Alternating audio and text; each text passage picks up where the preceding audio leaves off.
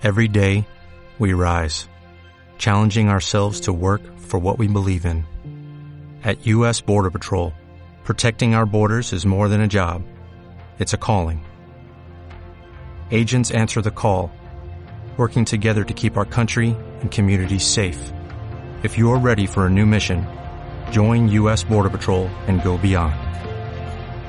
Learn more at cbp.gov/careers.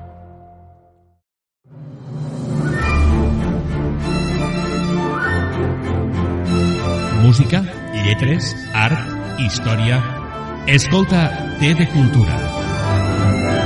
Benvinguts. Com cada setmana, tornem amb més propostes. Avui, relats, poesia i una novel·la que ens enganxarà. Començarem el programa amb tres dones, tres joves, Neus Sunyer, Núria Prieto i Paula Erickson, que formen part del llibre publicat per Pagès Editors Avui és demà, un conjunt de 10 relats escrits per joves que ens parlen de transformació. I en veu de dona continuarem.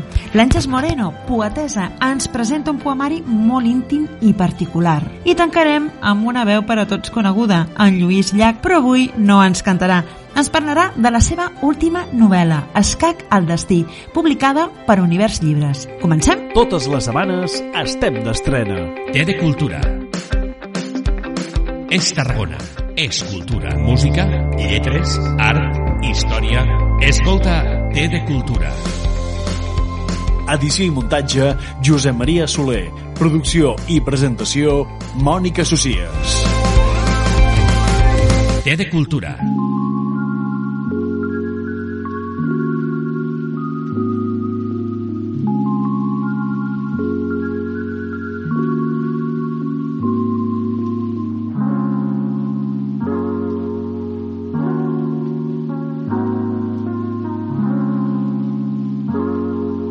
Lletres T de Cultura.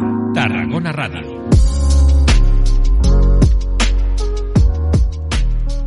Dies ens aixequem i mirem enrere pensant en tot allò que fèiem i tot allò que podíem fer. No, no anem bé. Ens hem d'aixecar pensant que avui és demà. Hem de reinventar-nos. Hem de buscar i rebuscar entre nosaltres mateixos i dintre de nosaltres mateixos perquè la vida no sabem mai què ens portarà. Potser hem de canviar les mirades i les perspectives. Avui en tenim tres. Quan he dit avui és demà, parlo del llibre de Pagès Editors i tenim tres convidades amb les que farem tertúlia. La Núria Prieto, que és arquitecta, ens presenta el seu relat diari d'una ciutat. Després tenim la Neus Sunyer, periodista i, com diu ella, futura precària. Ja veureu també per què, que ens presenta el seu relat Encendre els carrers per treure's l'olor del lleixiu i la Paula Erickson, que també és periodista i ens porta un relat de colors que crec que explica molt bé el que hem viscut, el que vivim i no sabem potser si serà el que viurem. Benvingudes, noies! Hola! Hola! Yes. Bé, per mi són tres noves generacions i jo ara ja en començo a empatitir una miqueta a més a més dues periodistes, jo ja vaig fent carpeteta, tancant la caixeta i donant pas a les noves generacions. Uh, M'agradaria començar una miqueta uh, parlant de, de, de la Núria. La Núria és arquitecta i ens presenta un viatge per les ciutats. Estem en un moment en què no podem viatjar, estem en un moment en què passem moltes hores a casa. Núria, Sí, i eh, per mi el teu relat va ser una barreja de mm, pensar una miqueta el que fèiem i com ens hem construït, però també hem de fer aquest canvi, no? I hem de viure les, les cases, els habitatges. claro, sí, porque la, la vivienda actual no es una cosa inmediata, es el resultado de, de muchos siglos y mucho trabajo eh, de, de los seres humanos construyendo su propio hábitat, ¿no? Y además este hábitat no es exclusivo del mundo occidental, sino que eh, en todas las partes del mundo existe un hábitat propio eh, que además tiene esencias comunes, ¿no? que son el cobijo, eh, búsqueda de una fuente de recursos para tener alimentación y para tener agua cercana y fundamentalmente bueno, pues la protección y una serie de condiciones. ¿no? Entonces, en este sentido, eh, el tema de la, de la, pandemia también nos hace frenar eh, y congelar la imagen y reflexionar sobre eh, esos aspectos comunes que tenemos y cómo como humanidad, digamos, a lo largo de todo el mundo, podemos extraer enseñanzas de unas y otras culturas para entender exactamente qué es lo que somos, cómo es nuestro hábitat y volver de alguna manera a, a rehumanizarlo, porque de alguna manera estos últimos años o las últimas décadas hemos ido perdiendo esa cualidad humana, quizás pues debido a un excesivo liberalismo o un excesivo capitalismo, hemos perdido un poco lo que, lo que humaniza nuestro hábitat y lo que humaniza nuestra ciudad, que no deja de ser un hábitat común. M'agrada que parli d'hàbitat perquè això uneix els tres relats. Uh, l'hàbitat d'aquesta terrassa de la Conxita i l'hàbitat d'aquest aire lliure d'un deambulador, d'un home de blau, que la seva professió és deambular. Són molts els hàbitats que tenim, però eh, hem d'humanitzar-los. Jo penso que en aquest cas tant, eh, tant, o sigui, totes tres, tant la Núria com la Neus com la Paula, eh, tenen aquest nexe d'unió, no? d'humanitzar. En aquest cas, Neus, per tu, humanitzar, eh, com, com ho definiries i com ho introdueixes en el teu relat? Bueno, crec que és una pregunta molt complexa, a veure si, a veure si les sé respondre. Um, crec que humanitzar és posar cara en aquelles accions quotidianes que fem simplement ja moltes vegades per inèrcia i el que intent fer a través de, d'aquest relat que comentaves és posar cara, ulls i veu en aquelles, en aquelles accions que moltes vegades pensam que, que correixen sense més, com passar-te un tiquet de supermercat, com rentar una escala, com, com fer feines de cures o, o pensar que hem de dinar demà. Després parlàvem de deambuladors, ens n'anem cap, a, cap a la Paula. La, la Neus hi posa la cara i ulls a totes aquestes feines no? que ens fan molt més humans. Marxem d'aquest capitalisme i tornem a les feines de cura més manuals. I amb la Paula també ens n'anem a la imaginació, a la, a la creativitat, no? que també té a veure, doncs parlem d'un llibre que també és crear. Vosaltres tres heu creat. Paula, la imaginació fa por al capitalisme? Mm, molta por. Molta clar, por. Clar, clar, clar, perquè si no imagines llavors tu no pots crear un món que tu s'escapi del, que, del que tens, no? Vull dir, quan la... Ai, em sentiu bé? Sí? Vale, és que, uh, quan la Núria, per exemple, abans parlava no, de que l'habitatge no és occidental exclusivament, mm, és que no hauria de ser, però és que al final uh, l'habitatge i el capitalisme desgraciadament ja van superlligats, no? Moltes feines que tenim i moltes vides eh, ja no són, haurien de ser molt més humanes i universals i el capitalisme ens ha fet creure que no, que hem de pagar per tenir coses que haurien de ser públiques per tothom, no? Llavors, eh, clar, imaginar un món on la cosa més bàsica, com tenir una casa on puguis sentir-te no, còmode i bé, o una ciutat oberta a tothom, això, el capitalisme, no, no, mira, millor unes fronteres, millor uns, no, uns requisits econòmics o socials, i així, si tu t'imaginis una altra cosa, és, és molt perillós. I de la imaginació també ho torno a enllaçar amb, la, amb el relat de la, de la Núria, perquè aquests dies que estem a casa, bueno, ara, ara tenim més llibertat per sortir, però en aquesta primera part de la pandèmia vam tenir temps de remenar caixes, caixetes, netejar, endreçar i trobar moltes coses, que és el que li passa també a la protagonista de, de la Núria. Uh, Creus, Núria, també que, que aquest temps d'aturada ha servit per reobrir una miqueta la caixa de Pandora de l'amor, de les relacions i, i, i de, de despullar-se de tot el que portem que ens pesa? Claro, sí, en ese sentido la, la casa eh, depende de cómo entendamos la casa, pero la casa en realidad es un contenedor de recuerdos también. Es decir, todos eh, los espacios están cargados de memoria queramos, queramos o no, eh, establecemos una, una, relación directa con determinadas atmósferas, con determinados espacios y los cargamos. Es decir, no podemos obviar la percepción que tenemos del espacio.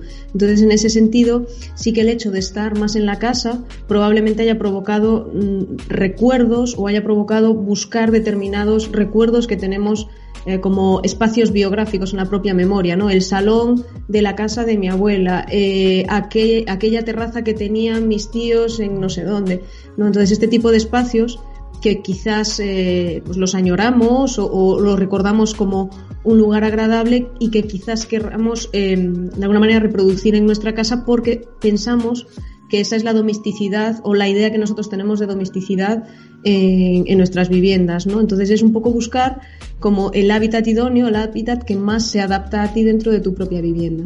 I eh, aquí hem tingut, alguns hem tingut molt de temps per estar-nos a casa, però en canvi d'altres, com la protagonista de, de la història de la Neus, no han tingut massa temps per estar-se a casa i quan arriben a casa tampoc tenen temps. I això ens fa replantejar molt com realment vivim, no? Aquesta, hi ha una gran desigualtat en, el, en els personatges, no? De dir, uns han tingut molt temps i els altres no, i la Neus ho ha jugat molt bé per parlar també d'altres desigualtats. Penso que, que ho transmets magníficament. De quines desigualtats? De què ens parles també, el teu relat? Uh, parteix de, d'una... M'agrada molt la idea que, que plantejava a Núria de, de tema d'hàbitat, de com construeixes d'aquelles memòries, també crec que pot servir com, com aquelles motxilles que guardam a dins, no? I parteixes una mica... Uh, en el meu cas parteix de la història d'una dona de mitjana edat que té aquesta doble jornada, però aquesta doble jornada a, a una generació com la nostra, com la millennial o com la que ve després, ens comença a sonar ja a, a un altre tipus de, un altre tipus de món, però encara hi és, l'hem d'estudiar, de, l'hem i, i encara l'hem de patir. Llavors, um, crec també que aquesta memòria col·lectiva que es crea dins cases, que és aquesta memòria quotidiana, tampoc que no, li tenim, um, no la tenim gaire present mai, perquè sabem que la història mai se construeix des de la quotidianitat, sinó que se construeix des d'unes majúscules, des d'on no hi som normalment. Llavors, el fet d'agafar aquestes desigualtats que, que al final acaben formant part de la nostra vida fa que s'entrellacin, que plantegin i reflexionin si realment volem seguir vivint així o, o realment arriba l'hora de canviar una mica aquest model. Clar, perquè eh, hi trobem aquest punt de, del feminisme, no? de realment quantes càrregues portem les dones i, i que no que arrela, no? A mi m'agrada perquè, clar, jo m'ho miro des de la part que penso tot el que han lluitat les, les dones que hi ha hagut mm. abans que jo, però la meva generació encara penso que mm, mare meva, la feina que queda per fer, i tu aquesta doble perspectiva no? d'edat, de, de dir, és que ja n'hi ha prou. Potser ens conformem massa, potser, no, Neus? I, I hauríem de ser més rebels nosaltres, les de la meva quinta. Jo crec, eh, ja no, no sé si parlaria tant de conformisme com de que no hem tingut temps. O sigui, de, de que ha arribat un, va arribar un punt d'inflexió on, on les dones vam entrar dins el mercat laboral, però no ens van llevar unes càrregues que duíem darrere que no ens ha deixat participar d'activisme, participar d'altres tipus de xarxes, d'oci i, de, i de creixement personal, que no, no hem tingut temps. No és que potser no hagin volgut, és que no hem tingut temps. Treballem massa. En això sí que dono la raó. I si parlem d'educació i, i de generacions, ens n'anem una altra vegada amb la Paula. Paula, ens parles de, de, de crear, de desenganxar-nos d'etiquetes, ens parles d'evolucionar, de, de, una miqueta és un conte que és una fàbula, no? Penso que aquí has tingut també molta imaginació. Sí, bé, quan, quan estàvem tancats, al final l'única manera de viatjar que teníem, no? com la Núria s'anava no? amb les capses del seu, de la seva protagonista, que se'n va amb les capses del seu pare, o la Neus parlava, no? la Conxita, i cadascú s'ha creat un imaginari, jo em vaig crear el meu també, no? Al final cadascú tenia la seu, el seu hàbitat i el meu per, per no pensar que estava tancada era imaginar-me un, un món diferent, no? I una feina que no era una feina, perquè al final era una mica com és una feina que no existeix realment i la feina era no treballar en si.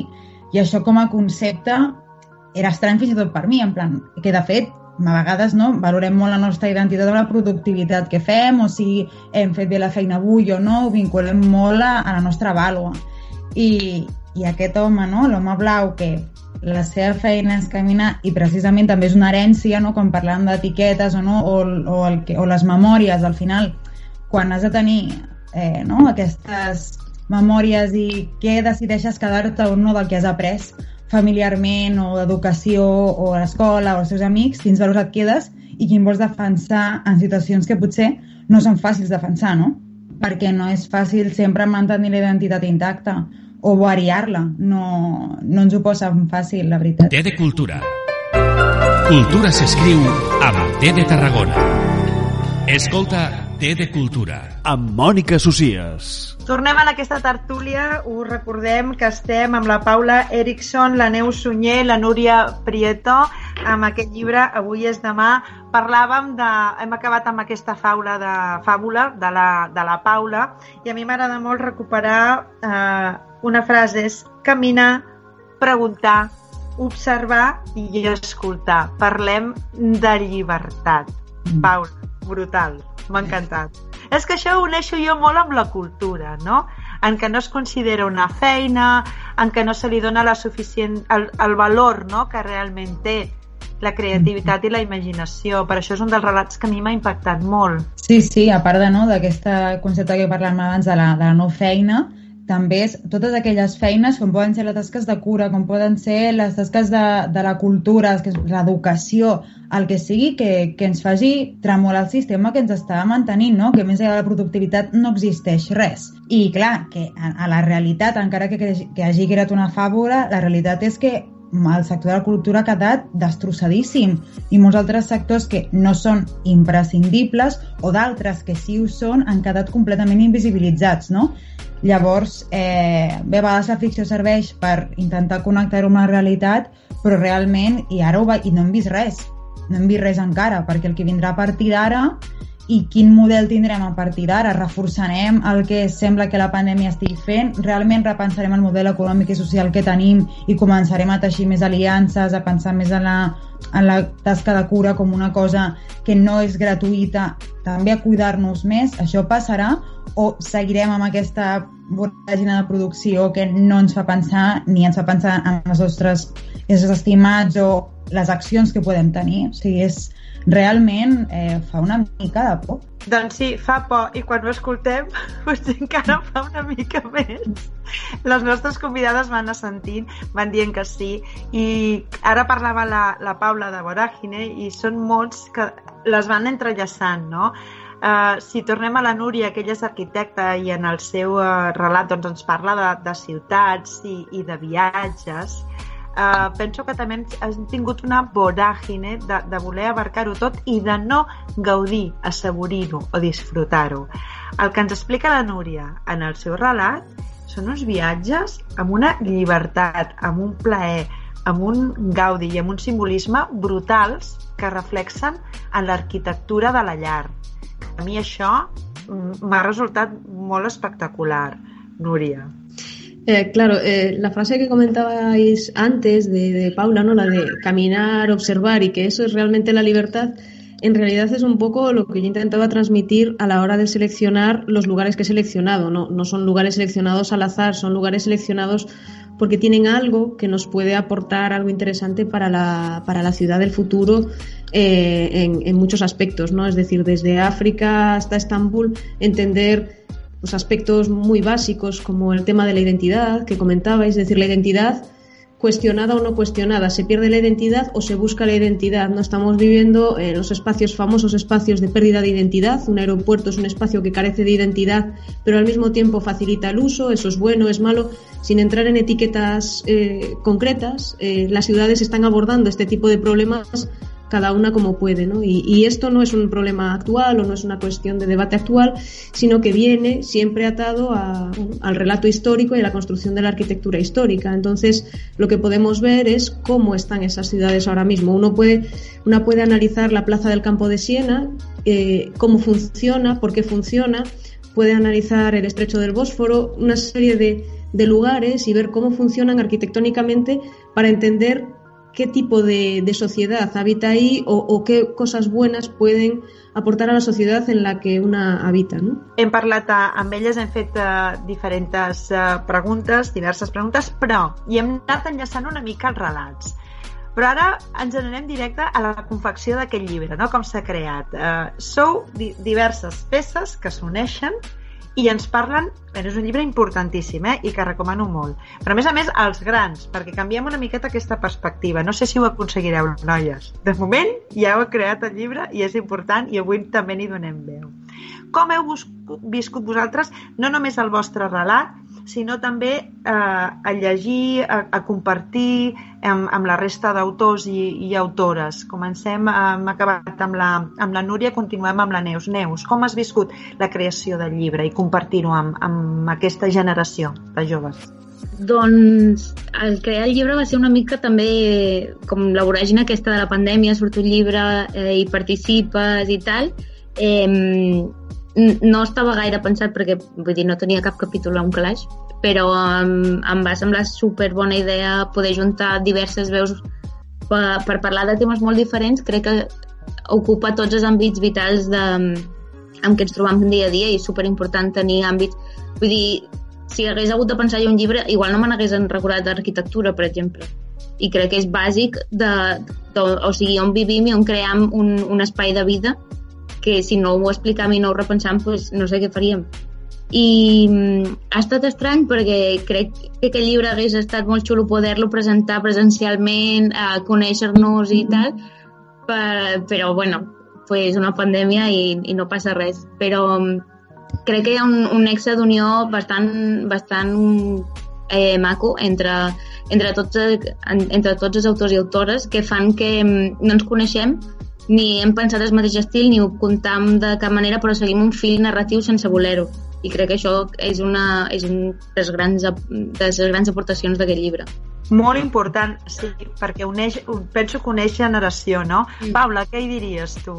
Um, de fet, um, l'editora a mi em va contactar. Jo vaig començar a escriure el relat abans de saber que hi havia un llibre. Vull dir, jo vaig començar a escriure'l i, i llavors em va dir, mira, eh, ens agradaria que hi ha certs temes que voldríem fer i voldria que fes un, un, un tema sobre treball. I just jo estic començant l'home blau. Llavors va ser bastant curiós com es, la, la, no? el fer-ho abans i, i unir-ho en aquest llibre. Llavors, al redactar-lo va ser una mica estrany perquè era com que als finals no sabia si ser optimista, ser pessimista, ser tal, com, com fer-ho, no? i perquè al final si és una distopia sempre acaben sent molt i bueno, que quan s'ho llegiu ja, ja ho veureu qui sigui però que queda més obert no? Uh, però el, el procés va ser alliberador, la veritat eh, el procés creatiu i el tema de, el que deia la Neus, no? a mi m'hagués agradat doncs, poder, clar, seria interessantíssim connectar els coneixements de tots els autors eh, perquè hi ha, no, hi, ha, hi ha autors que jo ja havia llegit, el típic, no, de Twitter o no sé, la Núria no la coneixia, però quan he llegit el capítol i he vist com no ho sé, eh, totes aquestes aportacions eh, d'arquitectura i el pensament i com que se m'han generat molts dubtes i moltes coses que m'agradaria com comentar amb ella, no? La Neus ja la coneixia d'abans i el seu relat em va, em va superencantar i més sobre posant la vida al centre, no? que és una que és molt important en aquest llibre i en aquesta generació que haurien de fer. Llavors, el mateix, m'hagués agradat més presencialitat, però la Covid no ens deixa, ja arribarà el moment on puguem, i no, ha estat, ha estat bastant, bastant enriquidor, la veritat. Anem sumant un llibre que, que suma. Núria, ja has vist que, que l'arquitectura ens ha sorprès una mica a tots, eh? Potser no en som massa conscients de l'arquitectura. Ara que ens hem d'estar moltes hores a casa, sí, però fins aleshores... No, bueno, la, la, la parece que siempre es como una disciplina extraña, como muy lenta o como muy de base, que parece que nunca va a incidir sobre los problemas eh, reales, dinámicos, tan rápidos que tenemos todos, ¿no? No es política, no es filosofía, no, no es, no sé, eh, eh, pero en el fondo es el escenario en el que vivimos y a todos nos influye, ¿no? Entonces, en ese sentido, me da un poco de miedo no estar a la altura de la situación, digamos, o de la dinámica que llevase el libro, porque tenía la sensación de que no se iba a entender el discurso de fondo, por lo que veo sí se ha entendido.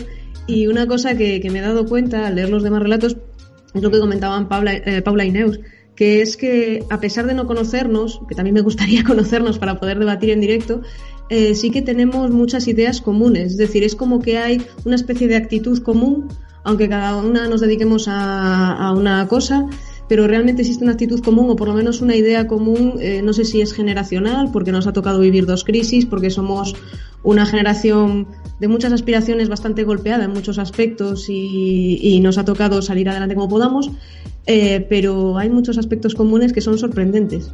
Veieu, veieu, els joves eh, estan diversificats en temàtica, però units en, en generació, sempre troben punts en comú. Però jo ja ho trobo bé, eh? Que us diversifiqueu, que tingueu aquesta força i aquesta rebel·lia, però diversificada perquè arribeu a tot arreu, que trobo que és molt important i ho necessitem. Realment sou la generació que arriba. Els que perdem, anem perdent esperances les posem en vosaltres, ja sé que ho teniu difícil. Però ens ha tocat a tots, doncs bé, aquestes sacsejades que són contínues, no? Gravem, aquest, uh, gravem a més a més aquesta entrevista el dia posteriori, a posteriori de, de saber els resultats de les eleccions que també ens han deixat a tots una mica esturats, noies, jo. us vull animar i no sé si us estic animant massa, eh? Posa, posa encara de resignació. El que sí que us vull donar, donar les gràcies perquè per mi ha estat també una, una descoberta en molts sentits, no? Poder parlar d'arquitectura, eh, veure aquests colors no? de la imaginació i la creativitat tan vius i veure com la humanitat eh, està tan present i les reflexions que feia que fa la Neus en el seu relat. És important també pels que ja anem creixent i, i ens tocarà marxar, doncs eh, saber que, que com a mínim el món està en bones mans. A veure, que us queda una gran feina, us queda molta feina. Agrair-vos aquesta estona de, de debò i, i animar-vos a, a continuar en aquesta línia, perquè penso que aneu, aneu molt bé. Moltes gràcies.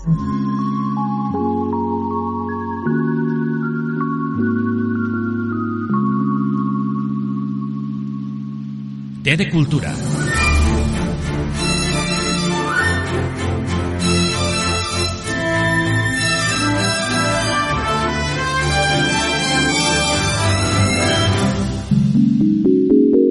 La cultura suma. El Té de Cultura suma. A totes hores tens totes les temporades i programes fins ara mesos del Té de Cultura al web podcast de Tarragona Ràdio i també al canal Té de Cultura a Spotify. Té de Cultura suma. Sumem amb cultura.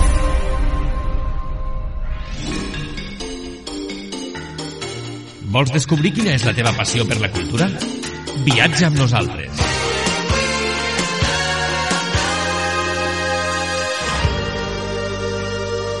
Té de cultura.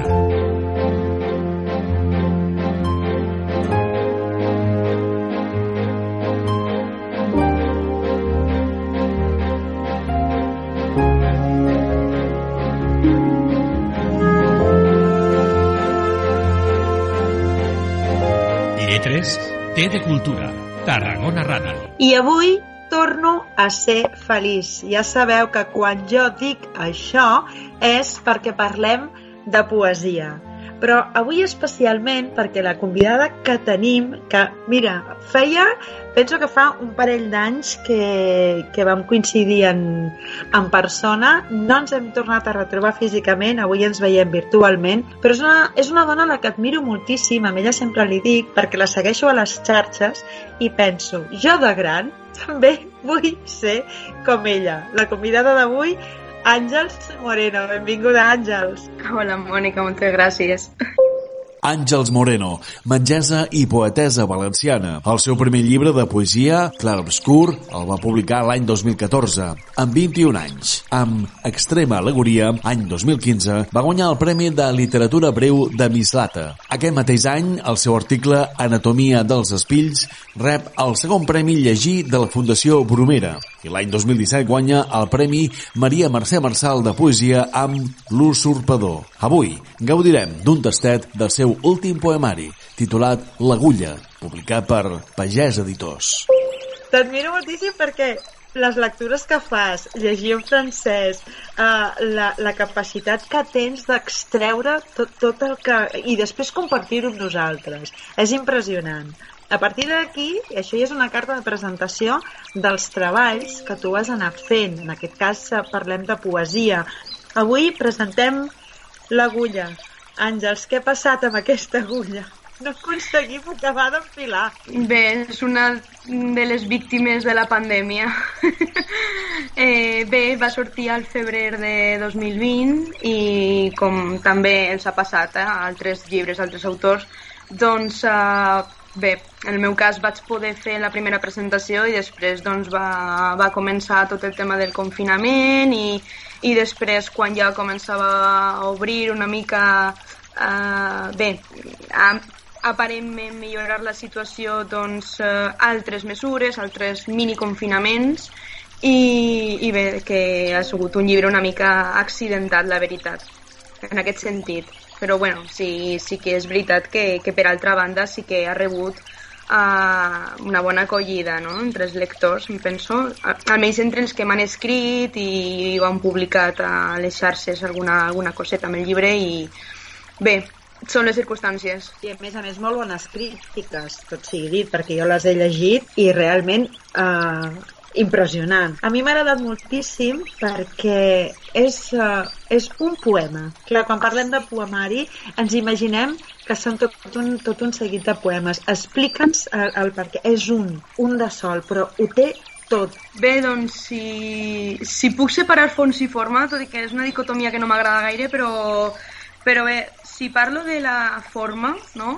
Uh, és un llibre que ha estat molt influenciat Uh, bé, per, per les lectures que jo vaig fer, no només durant el procés d'escriptura, sinó ja bastant abans, d'un escriptor grec que es diu Janis Ritsos, uh, que a mi com a poeta no, no m'acaba d'emocionar, però té un, uh, uns monòlegs poètics, no? O, ell li diu monòlegs, sí, monòlegs, monòlegs dramàtics, monòlegs eh, dramàtics.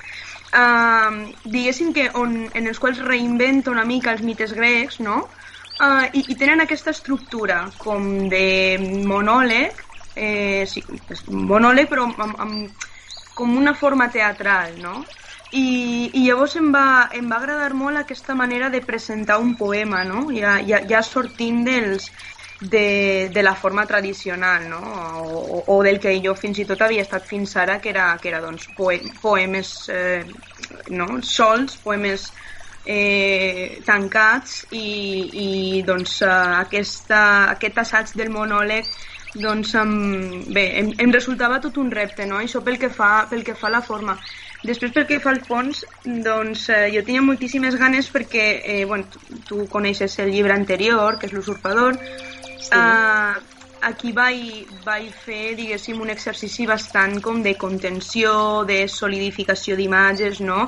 eh, de cristal·lització, de reducció a la mínima expressió no? de, de, de les paraules no? que, relatives a, a les imatges que anava presentant eh, i llavors aquí volia fer una mica tot el contrari, no? De fet, aquest llibre va començar a escriure's al poc d'haver acabat d'escriure l'usurpador perquè d'alguna manera necessitava una mica d'oxigen, no? I, i bé, però per una sèrie de circumstàncies, perquè fonamentalment perquè no sempre és el moment d'escriure quan volem escriure, uh, doncs allò va quedar una mica en suspens, no?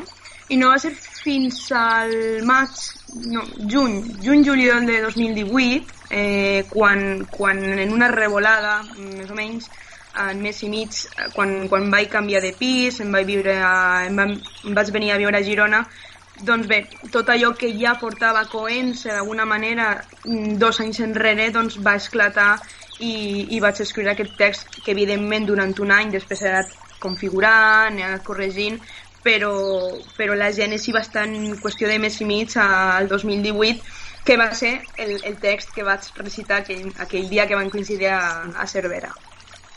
Això pel que, fa, pel que fa una mica a la, a la gènesi, no? Ja, ja, ja saps que, un llibre no surt mai d'una sola circumstància, sinó que és un cúmul de detonants no? que, que finalment doncs, resulta, resulta en l'obra. I aquí, doncs, bueno, canvis en la pròpia vida, eh, la voluntat de reivindicar i homenatjar també tot el tema de la memòria familiar, no? Uh, I tot aquest seguit d'influències literàries eh, determinar una mica a escriure amb aquesta, amb aquesta forma no? de monòleg. Escolta, té de cultura. Amb Mònica Socies. És un llibre que m'agrada moltíssim, a més a més ve acompanyat de les fotografies del nostre estimat Julio Ricardo Trigo. Vosaltres dos feu un tàndem perfecte. Sí, sí. Feu sí. molt bon tàndem, És veritat que el, el, el Xulio i jo ens avenim molt a nivell artístic i, i la veritat sempre ha estat disposat a, doncs, a col·laborar, no només a participar en els llibres, sinó, sinó a fer exposicions conjuntes, no? De l'Usurpador, de fet, en van fer una. Sí, per això dic que a més a més m'agrada moltíssim, no? per, la, per la imatge, per la visió que teniu vosaltres, no? d'expressar ella en fotografia i en aquestes paraules. El títol de l'agulla, has parlat de memòria, i, i el títol de l'agulla. Jo ara agafo aquests dos conceptes. Les agulles. Aquí eh, és una miqueta com el llibre, no? Aquesta dualitat. Amb una agulla pots arreglar moltes coses, jo que també cuso, també m'agrada aquest concepte de, de, de cosir coses noves, d'arreglar-ne de velles, però a la vegada també et punxes. És una miqueta aquest doble joc com la memòria. Àngels, aquí has trobat el punt. Sí, de fet, uh, bueno, jo, a, a mi els títols em donen fatal, no? I al final penso que intento ser reduccionista i, i, i dir, mira, algo simple però que diguéssim, no?, aglutini tot el que... i, i que sigui polisèmic. I, I aquí va ser una mica, doncs això, no? Realment, eh, la figura principal del llibre, que és la meva àvia, que es dedicava a cosir, no? Um, però clar, enllà de la figura concreta d'una persona, perquè tampoc volia fer un llibre que fos personificat, el que passa és que evidentment l'experiència pròpia i les coses concretes doncs et fan una mica de gatell, no? Per a, per a, i de mm, base per a sustentar una cosa que, que en principi té un objectiu de ser més universal, universal i univers, universalitzable, no? I eh, va ser això, ella eh, bueno, es dedicava a cosir, no? Evidentment jo també per la professió mèdica algunes vegades em dedico a cosir, així és que doncs això eh, també recollir una mica el mite d'Ariadna, no? del fil de la vida, de, de la, del, del laberint, no? De, eh, no recordo exactament, no? Però, però vaja, sí que més que d'Ariadna el tema de la parca, no? D'aquelles filadores, aquelles cosidores que eh, doncs eh, tallaven o filaven doncs, eh, les, les vides no? dels humans i llavors una mica la que decideix el destí, no? El, de fet, això la Raquel Santanera ho, ho- bueno, ho explica al final del, amb, amb l'epíleg que va escriure, doncs, doncs el, la, la qüestió de la parca, no? I, I bé, per mi la literatura també és una mica això, no? És a dir, anar cosint, anar suturant, anar cobrint espais, anar explicant, anant a portar sentit, no? I eh, també la memòria, doncs, com a fil, com a relat, eh, s'exemplifica s'exemplifica amb, aquesta, amb aquesta imatge no? d'una persona cosint, una senyora que a més realment es dedicava doncs, a reparar, a, a, a portar, a crear també d'alguna manera. I la memòria, doncs, a part del sentit mític, simbòlic, eh, ella realment bé, tenia, tenia demència i, i mm, es va complicar, no?, també eh, al final de la seva vida. I, i també és una reflexió al voltant eh, d'això, de, de la memòria vinculada sobretot a les paraules. És a dir, si una persona que perd la memòria, és a dir, que perd les paraules, pot continuar explicant el món. I, i una cosa molt insistent en tot el llibre que és eh, doncs, una mica in- matxacón, no? De vegades el ritme aquest de, que intenta, intenta encarnar, intenta fer presentar no? Aquest, aquesta repetició, aquesta cosa cíclica de la vida, de les generacions, del, del morir, del nàixer, de, no? Una mica eh, bé, tota aquesta, aquesta polisèmia de fils, memòries, eh, persones que substitueixen unes altres, que donen vida, eh, tot molt vinculat, evidentment, a la part femenina de, de la meva família i de Gaidó, d'alguna manera, un homenatge a, a tota una generació de dones que han estat en silenci, no? les, les dones de la postguerra, de la guerra, de la postguerra fonamentalment, mm, víctimes del masclisme, molt més que ara. I, i bé, tota aquesta sèrie de, de conceptes no? i que, que, que al final es redueixen en, en, eh, en el que li ocorre a una figura femenina que principalment és la meva àvia però que finalment som totes les dones i que en el meu cas doncs es barreja amb lo propi, es barreja amb lo propi de ma mare, vull dir, és com una veu esquizofrènica femenina, no? Eh, inserta eh, en una tensió entre la llibertat individual, la llibertat que li pot deixar la condició de classe o condició generacional i també el determinisme incansable de la vida, dels processos de la vida que van fent camí com, com, com la roda no? de, de la filadora. És a dir, una mica eh, aquesta tensió entre tot això. Molt ben enllaçat tot i és complicat a, a fer-ho en tot d'una peça, no? Aquest fil que no deixa. Àngels, ens podries llegir un petit trosset, algun text, un petit text? L'àvia tenia una nafra, petita, però incurable, del costat esquerre, de jaure sempre de la mateixa manera, de cara a la finestra amb la persiana baixada, perquè aquí la realitat de fora no té rostre i cada cop és més difícil d'entendre-la, amb nits ensucrades de despesa infantívola, de caprici absolut sec del demà, de l'escassesa sec de l'egoisme que ens umfla fins l'atac de feridura, la panxa plena, la gola humida, els ulls vidros, vidriosos de la nit pletòrica d'éssers que transiten menjant-se-la. I potser nits que anys després i a quilòmetres d'aquesta cambra hauràs de recordar coixes anacrúsiques malaltes de coixesa, amb els símbols, les grans construccions esvanint el paisatge conegut de l'única terra que retorna la que jau soterrada de morts. Bandegem o creiem que endarrim la solitud, la disfressem d'alcohol i roses, un quadern escrivint-se i una rosa, la rosa blava del qui no sabe perdre's en el món, sinó en les línies, que mai no hauria escrit l'olor de la gent que va morint en vida, els ulls atònits dels qui desconeixen el llenguatge, el rostre del fill paralític. Sí. Preciós i punyent. És que, clar, hi ha molt, hi ha molt en cada text, però penso que per acomiadar-nos és fer aquest petit tastet. Àngels, ens ens ha volat el temps, tot s'ha de dir, perquè Ja, aquí ja, ja, es va fer curtíssim. Tinc una de preguntes, però potser haurem de repetir entrevista perquè em falten encara moltes qüestions per, per compartir amb tu. Avui donar-te les gràcies per aquesta estona i endavant. M'agrada, saps que t'admiro moltíssim. Així que, endavant. Gràcies, una abraçada.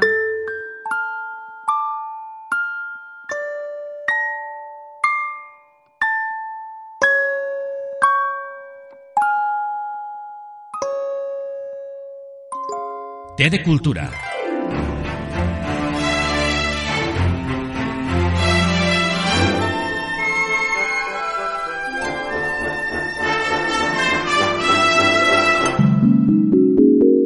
La cultura suma. El Té de Cultura suma. A totes hores tens totes les temporades i programes fins ara mesos del Té de Cultura al web podcast de Tarragona Ràdio i també al canal Té de Cultura a Spotify. Té de Cultura suma. Sumem amb cultura.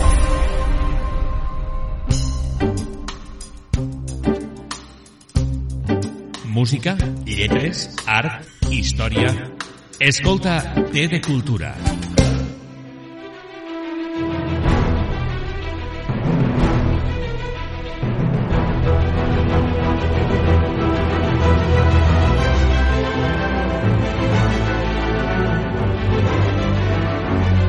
Lletres, Té de Cultura.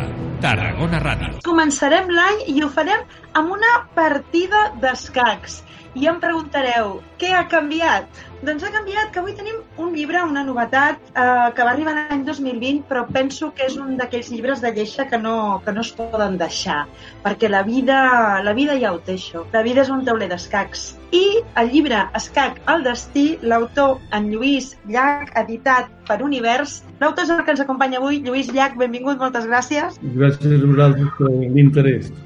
Lluís Llach, músic, cantautor i escriptor. Retirat dels escenaris des de l'any 2010, forma part de la Fundació Lluís Llach per ajudar a les persones més poc desenvolupades a Yasmona Maremar, al Senegal. L'any 1997, amb el seu amic Enric Costa, va fundar el celler Vall Llach, a Porrera. El 2012 arriba el seu primer llibre, Memòria d'uns ulls pintats, que l'any 2013 va rebre el Premi Euskadi de Plata per la seva versió en castellà i el Premi de Narrativa Maria Àngels Anglada. Avui parlarem amb ell de la seva última novel·la titulada Escac al destí, Univers Llibres. Doncs la veritat és que jo recomano molt el llibre perquè fins al final creieu-me que no ho sabreu tot. I aquí no ho podem explicar, Lluís. No, no, però jo espero que pel camí es diverteixin una mica. Sí, sí, no, no, sí, sí. És veritat que, que al final la, la història del thriller té molta importància encara que per dir-ho d'alguna manera quan jo llegia no n'hi donava quan jo escrivia no n'hi donava tanta eh? em donava molta més importància a la descripció de l'època, dels detalls, de les qüestions d'equilibris de poder, però se'm va acudir matar algú a la tercera pàgina i, i vaig dir, ara com ho arreglo això? I he tardat una mica a solucionar-ho. M'ho vaig divertir molt, eh? O sigui que... Tenim moltes coses sense fer cap spoiler per parlar, perquè és un llibre que, com molt bé dius tu, podríem mirar dues vessants. La primera, l'ambientació.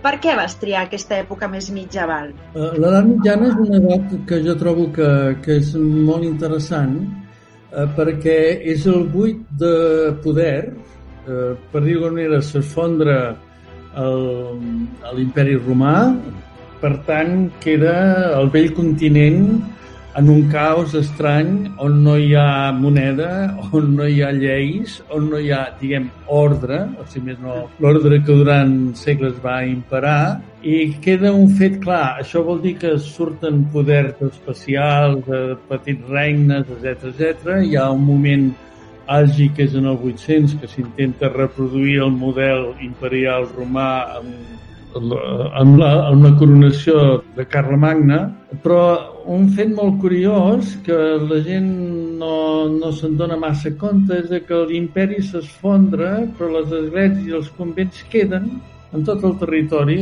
d'Europa. O sigui, que se'n va a l'ordre, diguem, institucional de l'espasa, de la llei, de la moneda, però queda, entre moltes cometes, l'ordre moral eh, que a més a més té un poder territorial fabulós, perquè a cada poble, a cada vall bonica hi ha eh, el, el seu monestir, eh, i a més a més es donen les circumstàncies que d'una manera pensada o impensada l'Església acumula la cultura, els llibres, no diria que els utilitza perquè també els fa servir per expandir-los, perquè copien, etc etc gràcies a l'Església que tradueix els textos musulmans que ens arriben per l'Àndalus, arriba una altra vegada Aristòteles, que s'havia perdut, Plató, etc. Però, clar, l'Església té un domini territorial fantàstic. Eh, això què vol dir? Que té domini territorial, presència territorial i, per tant, informació de tot el que passa en el vell continent. Cosa que als reialmes és, és molt més difícil. Ells tenen un, un sacerdot a cada poble. Per tant, què passa? Que hi ha un caos de poder amb petits reialmes que estan lluitant contínuament entre ells i una església molt, molt poderosa. A mi és això el que m'interessa perquè el ser humà d'aquells temps vivia espantat, esporuguit i explotat per dos poders meravellosos eh, de poder no? meravellosos de semàntica, i que eren l'espasa i la creu.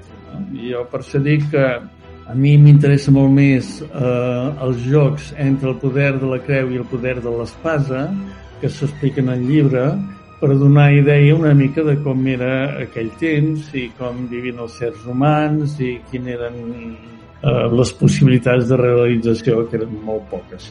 Enmig d'això, eh, parlo d'una família reial inventada, d'un realme inventat, sense situació geogràfica definida concretament i també sense, sense posar una data precisa i en aquest realme doncs, hi ha tota una sèrie de petites lluites que expliquen una mica què representava està sobre aquests dos poders, el de la creu i el de l'església. Escolta Té de Cultura. Amb Mònica Socies. Com heu pogut escoltar, eh, és un llibre que els que sou més exigents hi trobareu tota aquesta ambientació, està perfecta, ha creat un món fantàstic que potser no ho és tant, ara també en parlarem, i deia poder.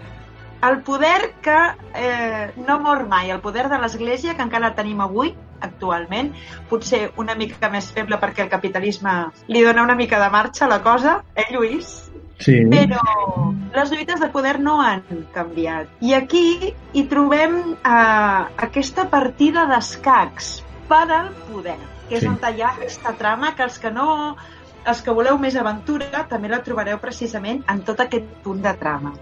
Que has aconseguit que no s'acabi mai capítol a capítol. Bé, me n'alegro molt. Eh? No, però clar, és, és, és, uh, són dos poders en principi quasi dicotòmics, perquè un és el poder de l'espasa, que és allò d'aviam qui la té més llarga i més forta, no?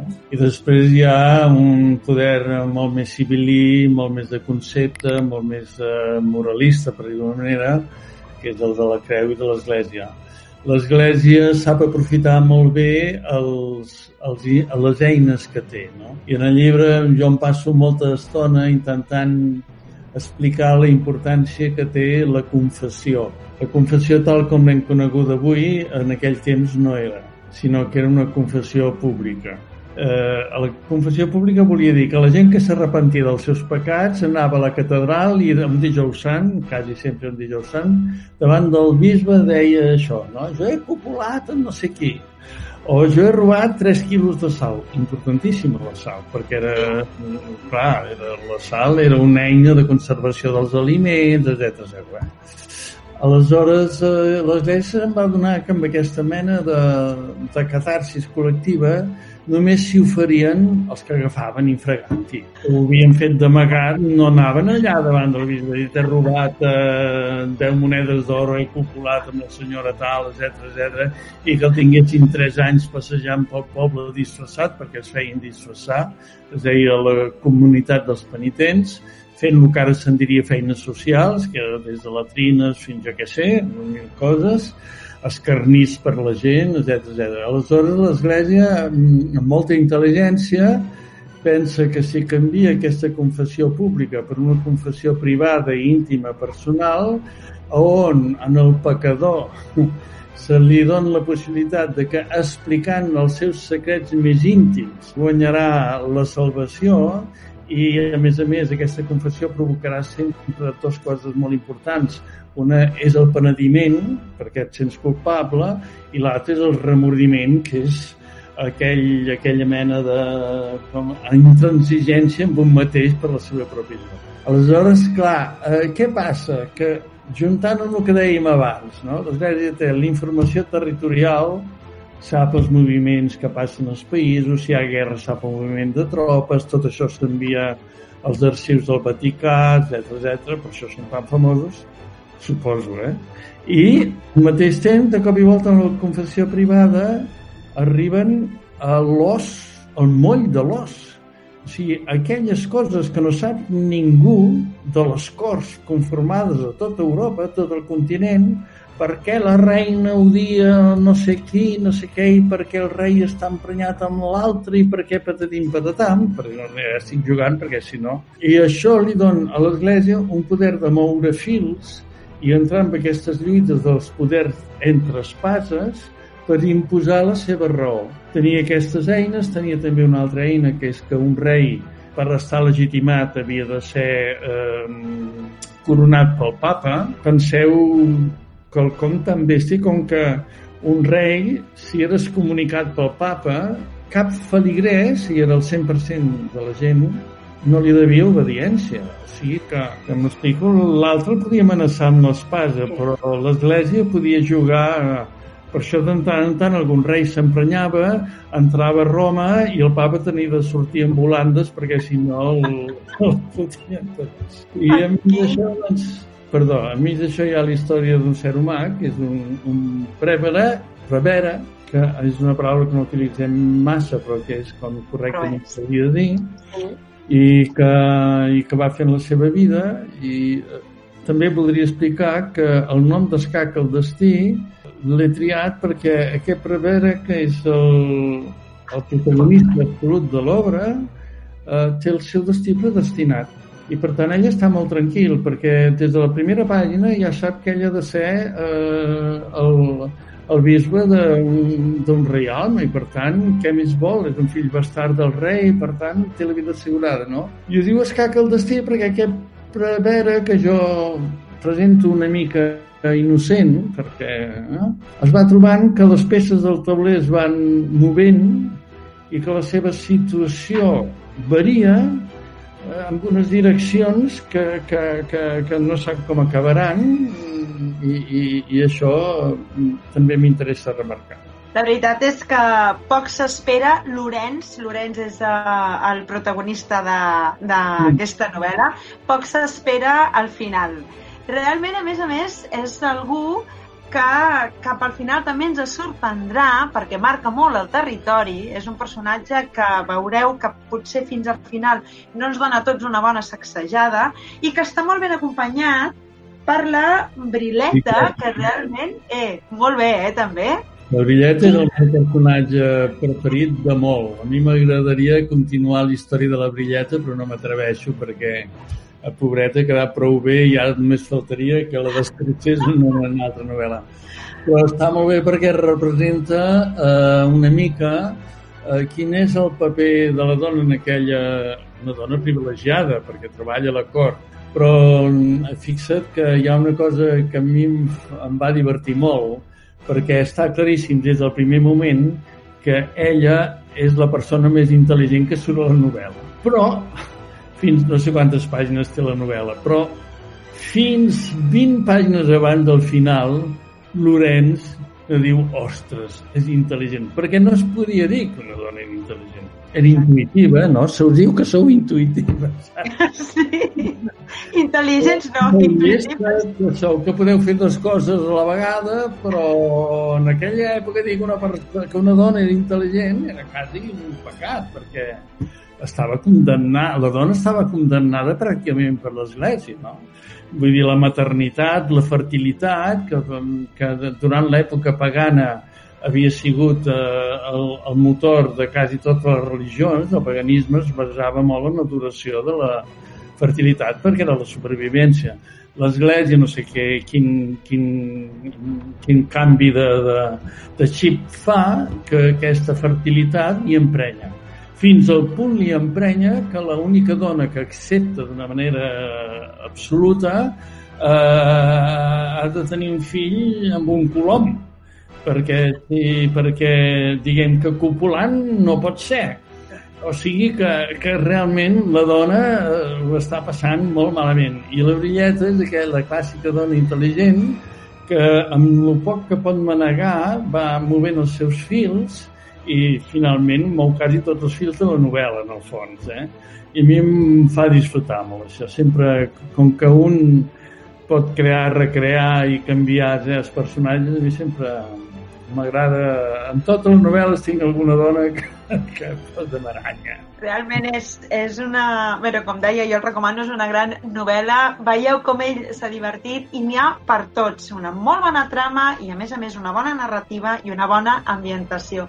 Lluís, moltíssimes gràcies per compartir aquesta estona amb nosaltres. Home, gràcies per interessar-vos per una novel·la meva que ja és molt. O sigui que... Fantàstic.